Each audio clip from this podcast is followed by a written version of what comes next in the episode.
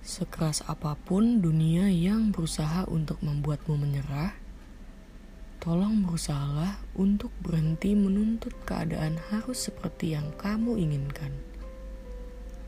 Temukanlah caramu sendiri untuk beradaptasi dengan keadaan.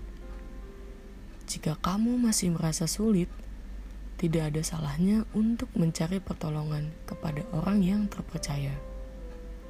Tidak, kamu tidak lemah kita manusia saling membutuhkan.